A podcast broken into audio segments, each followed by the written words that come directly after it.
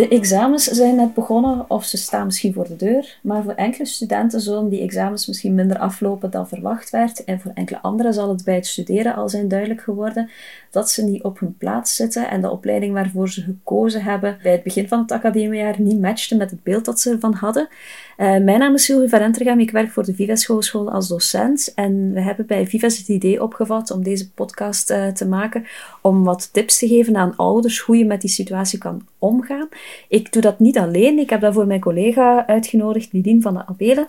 Ja, welkom iedereen. Ik ben studie- en trajectbegeleidster en misschien toch even kort vermelden wat wij doen. En samen met mijn collega's ja, um, helpen wij studenten met de studiebegeleiding en ook onder andere het uh, maken van een juiste studiekeuze. En ze kunnen uiteraard ook bij ons terecht als ze vragen hebben over hun individueel studietraject. Ja, want waaruit bestaat die trajectbegeleiding dan, Lidwien? Kan je dat nog even toelichten? Ja, absoluut. Hè. Dus het heeft te maken bijvoorbeeld met ondersteuning bieden als studenten bij ons komen en, en vragen hebben over hun studiekeuze. Als ze twijfelen aan hun studiekeuze bijvoorbeeld. Of als ze nog niet goed weten wat de juiste keuze is voor hen. Hè. En uiteraard helpen we hen ook bij het samenstellen van hun individueel programma. Dat is dan eerder het luikje trajectbegeleiding, waar we heel graag ook de studenten eh, op het juiste pad helpen. Oké. Nu, als het niet zo goed loopt met de examens, dan uh, zijn er natuurlijk enkele oorzaken van. En een van die oorzaken heeft te maken met motivatie. Ja, zeker. Hè. Studenten die niet gemotiveerd zijn of die om de verkeerde redenen bijvoorbeeld een bepaalde keuze hebben gemaakt, ja, die zullen het zeer zwaar krijgen in de examenperiode en die zullen vaak inderdaad minder goede examens afleggen. Hoe kan je als ouder signalen oppikken dat dat misschien wel het geval is? Ja, een gemotiveerde student uh, die praat over zijn uh, school, dat hopen we toch in ieder geval. Hè. Um, dus als je zou merken dat je zoon of dochter heel weinig vertelt over school, of dat hij of zij enkel negatieve dingen vertelt, of als je het gevoel krijgt dat hij of zij um, ja, de, ding, de, dingen een beetje verbloemt en misschien niet echt zegt hoe het er echt aan toe gaat. Ja, alles is goed. Ja, dan kan dat wel betekenen dat die motivatie toch niet helemaal snor zit. Hè. Of als je zou merken dat je zoon of dochter misschien wat minder vrolijk is of wat piekert, dan kan het ook betekenen dat er iets aan de hand is en dat kan dan te maken hebben met de studiekeuze. Ja, corona maakt het in ieder geval niet gemakkelijk voor uh, studenten dat van vandaag. Ze hebben weinig uitklaatkleppen om zich even te gaan uitleven.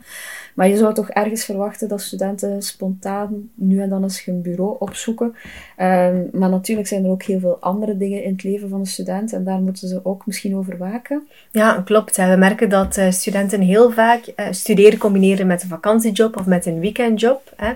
Maar dat is niet altijd zo makkelijk. We gaan er toch wel van uit, of we, durven er toch wel van uit te gaan dat een student zo'n 38 uur per week zou bezig moeten zijn met school.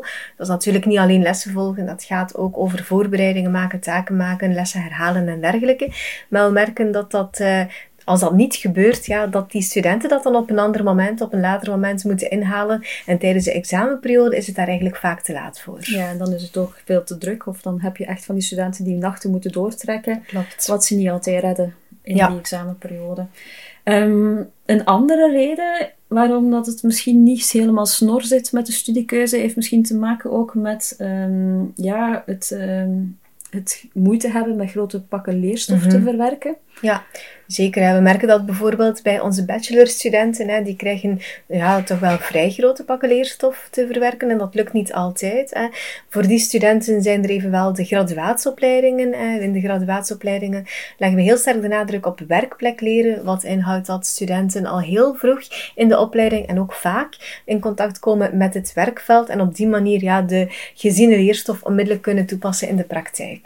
Ja, leren is een vorm van stage waar eigenlijk de school een beetje afspreekt met het bedrijf waar een student stage loopt, wat er tijdens die stage aan bod moet komen. Ja, ja klopt. Heb je dan een master gedaan, dan is het een beetje hetzelfde verhaal, denk mm -hmm. ik. Dan kan je eventueel, als je daar moeite hebt met de grote pakken leerstof te verwerken, toch naar een bachelor overschakelen om ja. dan meer praktijk um, te krijgen of met meer projecten bezig te zijn.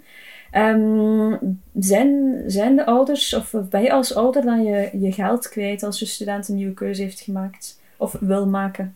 Ja, ehm, ik zal misschien eerst even uitleggen hè, wat we precies bedoelen met dat geld. Hè, studiegeld en leerkrediet. Hè. Leerkrediet, dat is toch wel een belangrijke. Dat is die rugzak van die 140 studiepunten die elke student krijgt als hij hogere studies aanvat.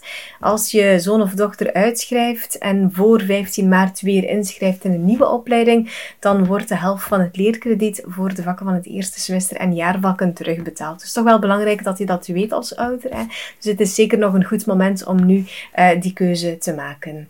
Ja, en wat zijn dan de stappen die de zoon of dochter moeten zetten om aan die nieuwe opleiding te kunnen beginnen? Ja, in eerste instantie contact opnemen met de huidige trajectbegeleider van de opleiding die je zoon of dochter nu volgt. Die zal je met veel plezier doorverwijzen naar de trajectbegeleider van de nieuwe opleiding. En die zal dan op zijn of haar beurt weer jouw student helpen of jouw zoon of dochter helpen met het samenstellen van een uh, nieuw en evenwichtig studieprogramma, het aanvragen van uh, vrijstellingen en dergelijke. Ja, ik denk dat het belangrijk is om nog mee te geven dat, dat, om eens te praten met, met de zoon of dochter om te zien of dat hij zelf al naar een studietrajectbegeleider is getrokken?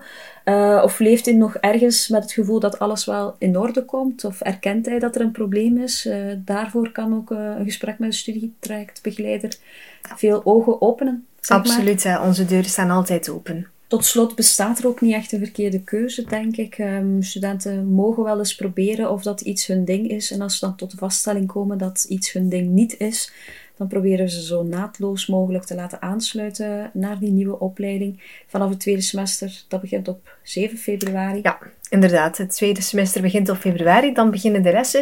Het is natuurlijk wel goed om al iets vroeger tot bij ons te komen. Dan hebben wij ook iets meer tijd om het studietraject eh, samen te stellen samen met de student. Belangrijk om mee te geven is dat een student weliswaar nog perfect kan instappen in het tweede semester, maar dat dat vaak wel betekent dat hij een half jaar tot maximum een jaar later zal afstuderen dan studenten die in september zijn gestart. Ja, want dan moeten ze natuurlijk een aantal vakken nog inhalen van het eerste semester dat ze gemist hebben. En dan komt er dan bij. Ja, inderdaad.